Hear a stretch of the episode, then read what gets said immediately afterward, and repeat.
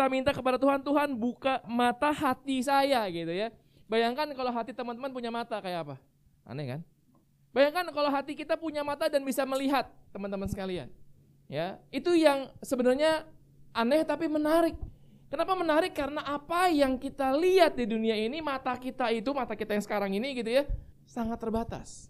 Biasanya kan orang bilang apa yang dilihat oleh mata terus turun ke hati. Dari hati ke mana? Lambung gitu ya. Ya. Nah, tapi itu yang terjadi teman-teman sering kali yang dari mata enggak selamanya langsung ke hati. Yang dari mata ke mana dulu? Kepikiran dulu, dicerna di pikiran gitu ya. Dan kadang-kadang pikiran kita dibawa justru oleh apa yang kita lihat. Nah, tapi hari ini kita mau belajar sama-sama bagaimana kita fokus bukan pada apa yang kita lihat semata, tapi kita mau bicara bagaimana hati kita bisa melihat. Oleh karena itu saya mau ajak kita sama-sama buka Alkitab. Dua Raja-Raja 5 ayat 1 sampai 15. Ya, teman-teman kalau kita lihat dari bacaan kita saya mau tanya sama teman-teman. Saya suka diskusi gitu ya, teman-teman boleh jawab apa aja gitu. Siapa di antara teman-teman yang pernah ngerasa kesel sama Tuhan karena kamu tidak dikasih yang kamu minta atau yang kamu pikir kamu butuh? Ada nggak? Pernah kesel nggak sama Tuhan? Pernah ya, satu ada, ada lagi? Ada ya, dua, tiga, pernah empat, ya. Tuhan gue naksir si A, kok si B yang suka sama gue gitu gitu kan. Oh itu masih penting kan? Daripada Tuhan gue suka si A kenapa dia suka si B? Gitu kan? Lebih baik ya gitu ya. Teman-teman sering kali dalam kehidupan kita uh, dalam konteks kita uh, berkomunikasi dengan Allah berrelasi dengan Allah ya saya yakin teman-teman pasti sering berdoa dan minta sama Tuhan. Nah sekarang pertanyaan saya siapa di antara teman-teman yang pernah berdoa nggak minta apa-apa sama Tuhan? Minta terus ya. Nah berapa sering permintaan teman-teman di, di, di, dijawab Tuhan? Dijawab aja Cukup sering ya. Pernah nggak dijawab? Pernah. Rasanya apa? Banyakan nggak dijawabnya, banyakan dijawab tidak sama Tuhan. Us. Banyak mintanya ya. ya. Dan sebagian pernah kesal dan marah karena permintaan kita atau apa yang kita lihat kebutuhan kita tidak diberikan oleh Tuhan gitu ya. Pernah nggak ada yang sampai marah banget sama Tuhan gara-gara itu? Marah aja ya, kesal aja ya. Ya. Pertanyaan saya teman-teman, Tuhan punya kewajiban nggak menjawab doa teman-teman? Kamu berhak nggak nuntut Tuhan memberikan jawaban? Tapi kalau kalian jawab marah ya, kesel ya. Apa hak kita untuk menuntut Tuhan menjawab atau bahkan mengabulkan apa yang kita minta? Pertanyaan saya, kalau Tuhan jawab terus dan ngabulin kita, dia Tuhan atau bukan buat kita? Jangan bukan. Ya, jadinya apa kalau gitu? Aladin kan? Iya benar, Aladin wishmaker kita yang harus menjawab permohonan kita. Maka hari ini teman-teman kalau kita bilang kita mau belajar tentang open the eye sama heart, maka kita mau menempatkan diri kita di mana seharusnya berada. Kita ya kita, Tuhan ya Tuhan gitu. Jangan kita yang kemudian mengharuskan Tuhan mengikuti apa yang kita minta, apa yang kita mau, apa yang kita lihat, apa yang kita pandang benar. Kuncinya di situ yang pertama. Ya, selama kita merasa Tuhan harus mengikuti yang kita mau, nggak akan bisa tuh open the eyes of my heart. Karena kita baca sama-sama di, di, di perikop kita pada hari ini, siapa Naaman? Siapa Naaman teman-teman? Panglima punya jabatan? Punya. ya. Kalau orang-orang punya jabatan biasanya gimana gayanya? Nggak bisa disuruh segala-gala gitu kan? Biasanya nyuruh gitu. Ya, biasanya nyuruh merintah gitu ya, bukan orang-orang yang disuruh dan bisa seenaknya disuruh seperti apa pun. Nah, kondisinya adalah sekarang dia lagi sakit. Ya, dan saya mau membawa uh, penamaan dulu ceritanya kepada kepada kita semua. Lalu kemudian dia dia nggak punya apa-apa, pokoknya dia kusta dia datang sama uh, Elisa, apa disuruh sama komandannya gitu kan, ya pemimpinnya. Lalu kemudian Naman datang kepada Elisa dan apa yang terjadi teman-teman? Elisa bahkan boro-boro ketemu. Dia ngapain? Dia nyuruh orang lain bawahannya ya buat ngomong sama komandan yang punya jabatan itu gitu. Sebilangnya apa? Suruh mandi tujuh kali. Kita tahu sama-sama tujuh kali itu punya simbol ya. Simbol apa? Simbol kesempurnaan gitu ya, simbol Tuhan gitu istilahnya gitu ya. Dan itu penting dalam kerangka uh, kehidupan bangsa Israel ya. Tujuh kali itu sangat-sangat penting. Nah, tetapi bagi Naaman yang bukan orang Yahudi, teman-teman, pertanyaan yang paling penting bagi dia bukan tujuh kalinya, tapi apanya? Kenapa disuruh berendam di sungai Yordan? Teman-teman, sungai Yordan itu kayak apa sih? Kotor, hitam gitu ya. Ciliwung. Kamu lagi sakit suruh berendam di Ciliwung, mau nggak? Kenapa enggak? Nah, siapa tahu kan kalau di Ciliwung terus tiba-tiba kulit kita jadi lebih putih, ya enggak? Luntur kan ya. Nah maka Naaman waktu itu punya harapan enggak waktu datang ke Elisa? Dia pasti punya harapan karena dia pernah dibilangin, eh ada yang bisa nyemuin lo tuh. Jadi punya harapan pertama, nih orang datang ke gue kemudian buka pintu numpangin tangan kayak atau ngomong kepada Tuhan, Tuhan Bapak sembuhkanlah orang ini ya, terjunkanlah segala kesembuhan dalam bentuk apa pun gitu ya. Boro-boro, dia nyuruh orang lain ketemu. Kagak ada ritual-ritual, kagak ada ya pokoknya upacara-upacara penyembuhan gitu kagak ada teman-teman. Semua ekspektasi Naaman berantakan, kacau. Dan begitu ekspektasi Naaman kacau, apa yang terjadi? Ya grumpy dong, kesel ya. Nggak seperti bayangan gue nih gitu. Ah, gue pulang aja lah. Kenapa gue mesti berendam di sungai Yordan yang kotor dan bau itu? Kenapa nggak di Abana dan Parpar, sungai-sungai Damsik yang lebih baik? Kenapa nggak di situ gitu? Teman-teman tahu nggak jawabannya kenapa di sungai Yordan? Gak ada yang tahu. Saya juga nggak tahu. Menurut kamu Naman tahu nggak kenapa? Setelah sembuh tahu nggak kenapa mesti di situ? Nggak juga. Apakah sungai itu punya kekuatan menyembuhkan penyakit? Karena saking baunya dan hitamnya? Enggak juga. Karena kalau iya ya otomatis semua orang tinggal nyemplung situ sembuh kan. Itu yang pertama yang jadi catatan eh yang pertama, yang kedua ada catatan kita. Yang pertama bahwa Naaman karena punya ekspektasi tertentu dan ekspektasinya tidak tercapai, tidak seperti yang dia bayangkan, kesel, marah. Mendingan gue pulang, ngapain? Yang kedua adalah dia dan kita juga nggak tahu kenapa Sungai Yordan. Yang berikutnya yang menarik apa teman-teman? Yang bikin Naaman kemudian mau nyemplung apa? Bawahannya yang ngomong. Biasanya dia ngomong ke bawahan. Dia nyuruh ke bawahan, dia merintahin ke bawahan gitu ya. Kali ini kebalikannya. Bawahannya yang bikin dia kemudian kembali ke bumi. Sadar. Ya benar juga ya gitu ya. Lo kalau disuruh macam-macam juga mau lo pasti. Masa yang suruh nyemplung gitu aja kagak mau. Logikanya Naman mulai jalan. Logika netral saya bilang. Kenapa? Karena udah nggak punya ekspektasi apa-apa kan. Udah berantakan. Nyemplung deh, sembuh deh. Kelar cerita ya. Ya. Tapi teman-teman ini yang menarik teman-teman. Melihatlah bagaimana Tuhan bekerja di dalam cerita ini dan dalam hidup kita. Karena sering kali dalam kehidupan kita kalau kita berelasi dengan Tuhan, kalau kita punya keinginan, kalau kita punya ekspektasi kepada Tuhan, ya kita pengen seperti ini, kita pengen begini, kita pengen begitu gitu. Dan begitu Tuhan tidak memberikan apa yang sesuai dengan ekspektasi kita, kita mungkin jadi grumpy juga, kita juga mungkin kesal juga. Kok gini sih Tuhan? Ah udahlah, pokoknya minggu ini gue gak mau kebaktian. Aksi demo kita gitu ya, protes kita. Karena nggak seperti yang kita mau, nggak seperti yang kita bayangkan. Lalu kemudian kalau Tuhan bilang, eh, lu pengen punya apa pasangan yang keren, nyemplung Ciliwung. Mungkin kita mikir 70 kali. Mendingan gue punya pasangan jelek lah daripada nyemplung di Ciliwung gitu ya. Nanti keluar-keluar badan gue rusak semua nih gitu. Ya. Kita berpikir dengan apa yang kita lihat. Kita mencerna dengan apa yang kita lihat. Dan kita kalaupun ditanya pasti akan tanya berkali-kali, kenapa Ciliwung ya kan? Lalu kalau jawabannya eh, kagak ada penjelasan, pokoknya nyemplungnya situ. Mau nggak? Nah aman sebenarnya kagak tahu kenapa Jordan. Cuman dibalikin aja nalarnya sama anak buahnya.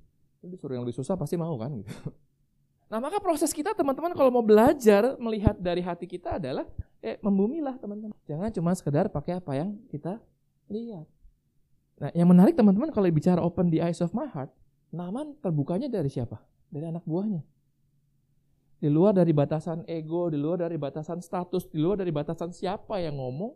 Tapi kemudian, apakah cuma berhenti di situ? Enggak. Naman pakai logika dia gitu kan. Logikanya bicara, teman-teman.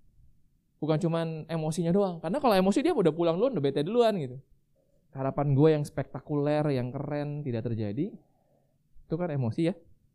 Tapi kemudian dibalikin ke bumi, berpikir dengan logika lagi, lalu kemudian dia ngelakuin. Walaupun dia juga sebenarnya mungkin nggak tahu kenapa di Sungai Yordan. Artinya teman-teman di dalam bacaan ini ada beberapa hal yang menarik yang kita bisa lihat. Pertama, bahwa cara Tuhan bekerja tidak selalu bicara tentang wonders, tidak selalu bicara tentang mujizat. Ya, bahwa Sungai Yordan dipakai oleh Tuhan untuk menyembuhkan orang atau Naman pada waktu itu, itu kehendak Tuhan. Di luar nalar kita, di luar logika kita. Karena kalau lihat dari kacamata mata kita sendiri nggak mungkin tuh gitu. Ya, Sungai Ciliwung tidak bisa punya kekuatan menyembuhkan orang gitu ya. Tapi Naman menggunakan kacamata iman. Itu yang pertama. Lu nggak tahu kenapa, pokoknya nyuruh lu tahu anak Tuhan gitu ya, lu ikut. Eh berarti di situ nggak? Enggak. Dia juga menggunakan logikanya. Nggak cuman emosinya. Menarik nggak? Ternyata Tuhan bekerja nggak cuma bicara kepada kepada hati, hati itu bukan cuma emosi gitu. Hati itu pikiran dan perasaan yang berjalan bersama-sama. Ada proses mencerna, teman-teman. Tidak 100% logika, logis, tapi juga tidak 100% apa? mistis gitu istilahnya. Nah, ini yang menarik. Ada satu balance yang diberikan oleh Tuhan dalam peristiwa ini untuk bisa bicara kepada kita bahwa cara Tuhan bekerja tidak selamanya bombastis, mujizat dan segala macam yang beyond our mind gitu ya. Tapi tidak juga 100% hanya logika yang mesti dipikirin terus-menerus. Nah pertanyaan adalah, seberapa balance hidup kita? Seberapa balance kita menggunakan pikiran kita dan perasaan kita, dan kita ajak jalan sama-sama. Kenapa kita sulit untuk membuka mata hati kita, teman-teman? Karena kita kebanyakan pakainya pikiran atau perasaan doang. Kita ikutin mana yang menurut kita paling oke okay, gitu ya, yang paling keras berbunyi. Pikiran, ya udah pikiran logika gitu. Perasaan, ya emosinya aja yang diikutin. Belum di synchronize. Bayangkan kalau barang elektronika tidak disinkronize, apa yang terjadi? Oke, nyetrum. Selain nyetrum apa lagi? Konslet, apa lagi? Kalau software tidak disinkronize gimana? Saya punya HP baru rusak, itu ya. Kalender saya hilang. Kenapa? Karena tidak saya sinkronis dengan device yang lain yang saya punya. Ya, hilang, rusak. Ya rusak ya rusak gitu. Jadi saya panik karena jadwal saya hilang. Saya mesti cari semua jadwal-jadwal dengan kepala saya yang sangat terbatas. Saya sangat pelupa gitu. Suruh nyariin jadwal lagi. Aduh udah pusing dah. Nah bayangkan kalau misalnya diri kita, pikiran dan perasaan kita tidak tersinkronis. Apa yang teman-teman rasakan? Gamang, gak happy, gak damai gitu ya. Galau. Nah, teman-teman cerita ini mau bicara bagaimana Tuhan mau kita mensinkronis diri kita. Nah gimana cara kita mensinkronis diri kita? Gimana caranya supaya pikiran hati kita bisa jalan bareng? Kagak berantem. Karena biasanya pikiran perasaan kita tuh ribut. Pikirannya ngomong A, perasaannya ngomong B. Kamu disakitin, pikiran kamu bilang ampuni dia. Eh, hati kamu bilang ampuni dia. Pikiran kamu bilang sorry dong, gue pengen keadilan. Ya kan? Berantem terus teman-teman. Pikiran kamu pengen kaya, hati kamu bilang berbagi sama orang. Berantem lagi. Bayangkan berapa banyak pikiran perasaan kita berantem terus menerus setiap hari ini yang bikin sering kali kita jadi nggak damai, nggak tenang, nggak konten gitu istilahnya, nggak tenang, jiwa kita nggak tenang, karena terus-terusan di, di, di, di apa diadu-adu nih pikiran dan perasaan kita. Kehidupan seperti apa yang kita mau teman-teman? Kalau kita terus-menerus galau, cemas, nggak tenang karena pikiran dan perasaan kita terus beradu, bagaimana kita bisa bersyukur sama Tuhan? Bagaimana kita bisa melihat tadi yang dibilang wonders of God gitu ya. Hal-hal kecil yang membuat kita bisa bersyukur sama Tuhan. Boro-boro ngeliat yang begituan gitu. Ini dijalanin bareng aja nggak bisa, susah. Nah gimana teman-teman? Yang pertama adalah kita bisa belajar untuk diam. Diam itu emas. Ya. Diam itu mencoba membantu kita untuk membuat kita kembali ke bumi. Seperti nama yang diingetin oleh anak buahnya tadi grounded man grounded ya bukan grounded di hukum begitu ya. Groundednya ayo kembali ke bumi gitu. Kamu mesti ada di sini saat ini. Apa namanya tuh? Mindful be contemplative ya. Selarasin tuh pikiran dan perasaan kamu yang ribut mulu. Kasih waktu tuh. Supaya kalau si ini ngomong A si ini ngomong B ayo kita kasih waktu dulu buat selaras gitu ya. Supaya nyambung, supaya nyampe, supaya apa ya, ya sarah gitu. Supaya kamu bisa bilang iya untuk pikiran dan perasaan kamu. Supaya nggak berantem terus. Capek, teman-teman. Diam, be mindful, ya. Be here now. Contoh, ini kan jam keren buat tidur ya, betul. Atau jam keren buat makan. Makan dan tidur. Maka saat teman-teman dengerin saya, sebagian jiwa teman-teman lagi bicara soal habis ini makan apa. Kalau saya ngomongnya kencang, mungkin teman-teman udah mulai Tuhan tolong bangunin gue. Tuhan tolong, tolong bangunin gue Tuhan gitu ya. Be here now bicara kita berada di sini sekarang. Pikiran gue di sini bukan di mana-mana, jiwa gue di sini, hati gue di sini. Itu namanya mindful. Dan kalau kita pengen belajar melihat uh, dari kacamata hati kita, lakuin sering-sering. Nggak bisa cuma sekali seminggu misalnya. Dengerin khotbah juga belum tentu kamu mindful gitu ya. Mungkin kuping lagi dengerin, otak lagi mencerna, yang lain lagi ke mana-mana, bisa jadi. Ya karena itu teman-teman kita mesti menyadari bahwa apa yang Tuhan berikan kepada kita bisa kita lihat kalau kita diam. Bukan kalau kita mikir terus, bukan kalau kita minta terus, bukan kalau kita kerja terus, bukan. Capek yang ada. Bahkan kadang-kadang kita tidur pun mikir, ya. Bangun-bangun capek, bukannya seger. Teman-teman sekalian, saya mau cerita beberapa hal gitu ya. Ini saatnya curhat sebelum teman-teman tidur ya. Bagaimana kita bisa be mindful, bagaimana kita bisa menemukan banyak hal indah dalam hidup, hal-hal kecil. Uh, waktu saya SMP saya ngekos di Bogor, orang tua saya di Serpong, rumah di Serpong. Jadi tiap weekend pulang, pulang pergi gitu ya. Sabtu pulang, Minggu balik. Dan karena rutin jadi saya bosen. Pokoknya naik angkot ya udah naik aja, pokoknya nyampe, pengen cepat-cepat nyampe istilahnya. Sampai suatu ketika saya ngerasa sangat bosen gitu ya. Aduh, gue pulang bosen banget dan bukan pulang yang bosen, di jalannya yang bosen. Karena yang kamu lihat tiap minggu ya sama gitu. Terus saya coba ngelakuin sesuatu yang berbeda hari itu. Ah, gue mau bayangin gue belum pernah lewat sini seumur umur. Itu ngapain terjadi teman-teman? Saya bisa ngeliatin jalan, saya bisa ngeliatin apa pun sepanjang perjalanan dengan hati yang sangat uh, bersyukur. Menarik juga ya perjalanan gue gitu. Apa yang dilihat di kiri dan di kanan ternyata menarik ya gitu. Yang selama ini nggak pernah saya perhatiin, karena apa? Karena saya nggak pikirin. Karena saya nggak tahu lagi di mana, lagi mikirin yang lain dan segala macam segala macam. Terus saya nyampe rumah, saya bilang sama papa saya, Pak tadi Ocep begini begini begini. Terus papa bilang apa tuh? Itu artinya kamu lagi memberi makna pada apa yang terjadi pada saat itu dalam hidup kamu. Dan saya, saat saya bisa merasa bersyukur dan menikmati apa yang saya lihat, saya bisa merasa kehadiran Tuhan bersama-sama dengan saya. Coba teman-teman diam 5 detik. Lihat rohan ini. Ngeliat Tuhan nggak? Contoh, ya. Tapi artinya apa teman-teman? Hal-hal yang kecil bisa membuat kita belajar melihat hal-hal yang biasanya tidak kelihatan. Bisa membuat kita menjadi peka ya pada karya Tuhan, pada cara Tuhan bekerja. Yang sering kali kita punya ekspektasi tertentu Tuhan begini gitu.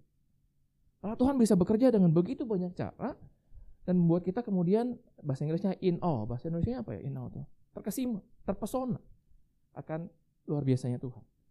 Dan hal itu lewat hal-hal kecil bisa membuat kita merasa gue bersyukur akan hidup gue. Walaupun masih banyak yang belum gue punya, yang gue mau, masih banyak pengalaman-pengalaman yang negatif, yang yang berat, yang yang susah dalam hidup gue. Gitu. Waktu di, di summer camp teman-teman salah satu peserta bisa bilang gini, saya bisa melihat hadir Tuhan lewat seekor semut. Keren nggak tuh? Lagi sharing tuh. Saya bisa melihat Tuhan hadir tuh lewat seekor semut. Terus saya tanya, kenapa bisa begitu? Saya lihat semut itu tuh nggak pernah diem. Bukan nggak pernah diem berkontemplasi, bukan.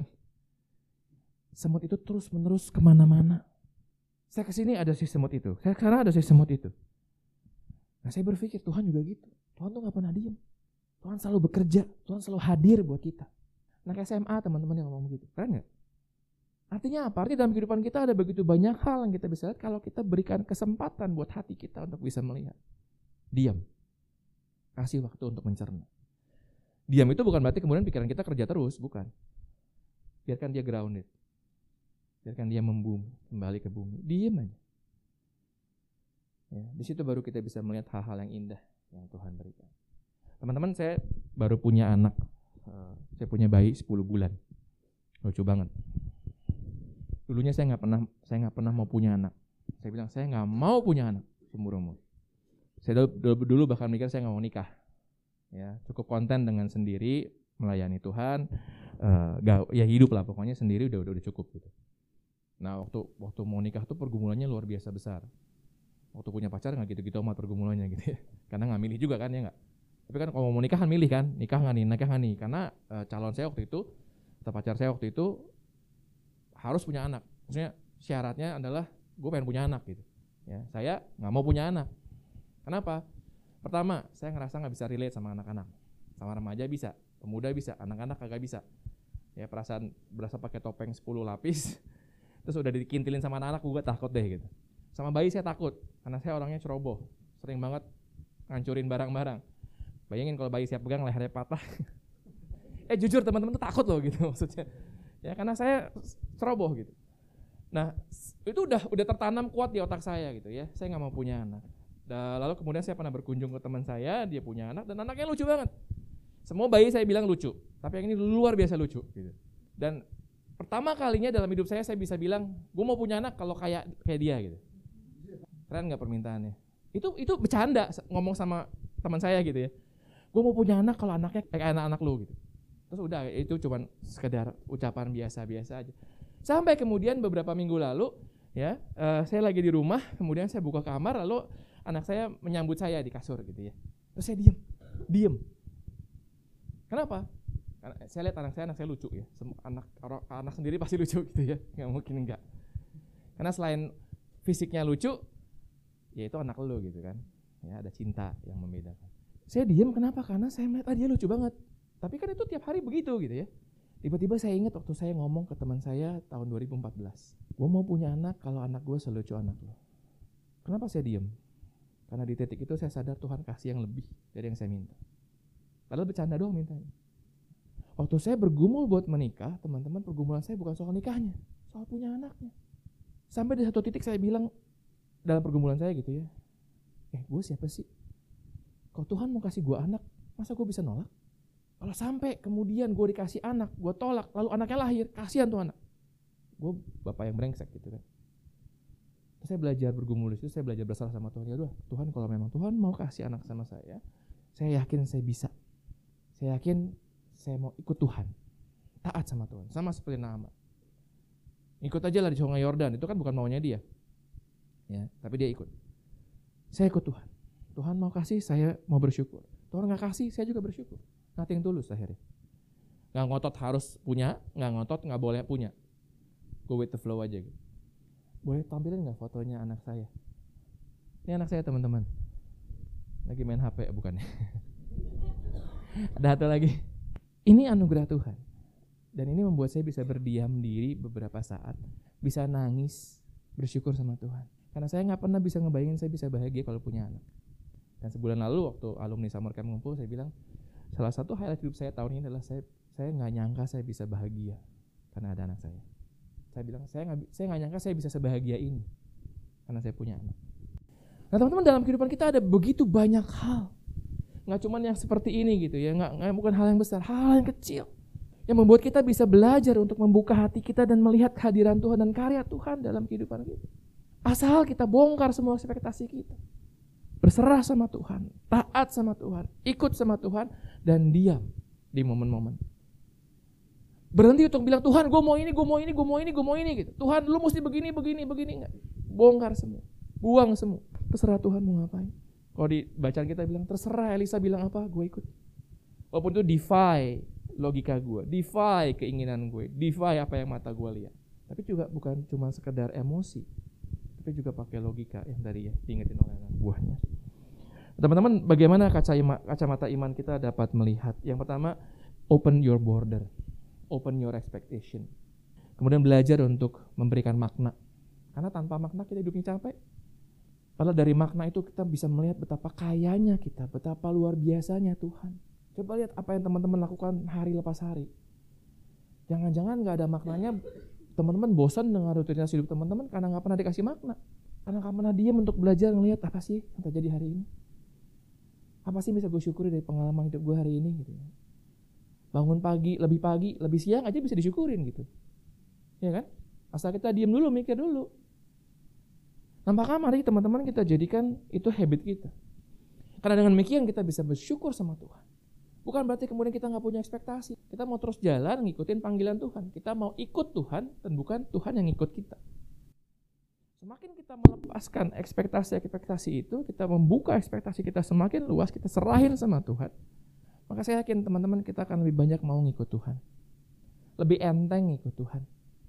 Lebih happy ngikut Tuhan ketimbang ngikutin apa yang kita lihat, apa yang kita mau.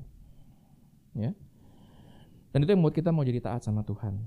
Ya, kita bisa di Alkitab kita kisah penciptaan, air bah, dan segala macam semua bicara soal kasih Tuhan. Air bah, orang bisa bilang itu tuh Tuhannya kejam. Masa semua orang yang diciptakan mau dibunuh sama Tuhan? Bisa nggak bisa ngerti itu? Bisa kan? Tapi kacamata iman kita, kacamata hati kita bicara apa? Itu wujud kasih Tuhan kepada orang-orang yang taat wujud kasih teman-teman. Kalau kita baca di, tentang eh, Adam dan Hawa itu dalam dosa gitu ya, itu kenapa ada pohon pengetahuan ditaruh di situ kalau nggak boleh dimakan? Banyak yang bilang, oh Tuhan nguji manusia tuh, taat apa kagak gitu ya. Bukan, itu cintanya Tuhan, ngasih pilihan bebas kepada kita. Nah, kacamata apa yang kita pakai untuk melihat? Kacamata iman, kacamata hati kita, atau mata kita? Logika kita semata. Tuhan kasih logika kepada kita juga untuk bisa menikmati dan mensyukuri, mensyukuri karya yang lewat apa? Teknologi. Ya, coba lihat, kalau kamu suka ke alam, kamu akan bisa menikmati alam. Tapi itu normal. Kamu lihat gedung-gedung bertingkat, kamu bisa bersyukur itu ciptaan Tuhan. Itu bagian dari karya Tuhan. Ya, HP, teknologi yang makin keren, makin keren, ilmu pengetahuan itu otak manusia aja atau ciptaan Tuhan? Itu karya Tuhan yang ngasih otak yang luar biasa buat manusia gitu kan. Dia nggak bisa sepintar itu kalau bukan Tuhan yang kasih gitu. Itu yang bisa membuat kita senantiasa bersyukur ketimbang kita kesel, marah, kecewa. Oleh karena itu mari teman-teman kita belajar seperti Naaman yang mau merendahkan hatinya, yang mau membuka pintu hatinya, yang mau taat dibentuk oleh Tuhan. Dan biarlah kita bisa melihat keindahan yang Tuhan berikan dengan kacamata Tuhan hubungan dengan kacamata kita yang sering kali ya cuma lihat apa adanya. Terakhir sebelum saya akhiri saya pernah benci tadi saya baru cerita saya berkhotbah di GKI Keranggan gitu ya. Saya cerita bahwa dulu saya pernah benci mama saya. Saya pernah mencoba bunuh diri dua kali. Saya merasa hidup saya nggak ada gunanya. Ya hati saya isinya apel busuk yang hitam yang nggak bisa bersyukur nggak bisa berbagi nggak ada kosong hampa. 10 tahun teman-teman masa gelap hidup saya ya dan itu aib yang besar yang saya nggak mau bagiin sama orang-orang tentunya. Sampai saya saya saya saya marah. Saya dulu bilang sama Tuhan Tuhan saya mau maafin sama mama saya kalau dia mau berubah. Kalau dia mau minta maaf sama saya saya maafin. Boro-boro dia sadar juga enggak. Gitu ya. Sehingga kalau saya tetap memberikan syarat seperti itu nggak akan ada perubahan apa-apa. Sampai saya capek dan bilang sama Tuhan Tuhan gue cuma pengen pengen ngerasa punya mama kayak apa. Nggak peduli dia mau berubah nggak perlu dia mau minta maaf bodoh amat. Pokoknya gue pengen ngerasa punya mama. Ya, karena benci itu membuat saya ngerasa saya nggak punya mama gitu. kemudian karena roh kudus yang menggerakkan roh kudus yang memampukan saya bisa mengampuni mama saya dan mengampuni saya sendiri gitu ya. Lalu akhirnya saya bisa punya mama. Ya. dulu mama saya tuh hobinya ngomel-ngomel teman-teman marah-marah.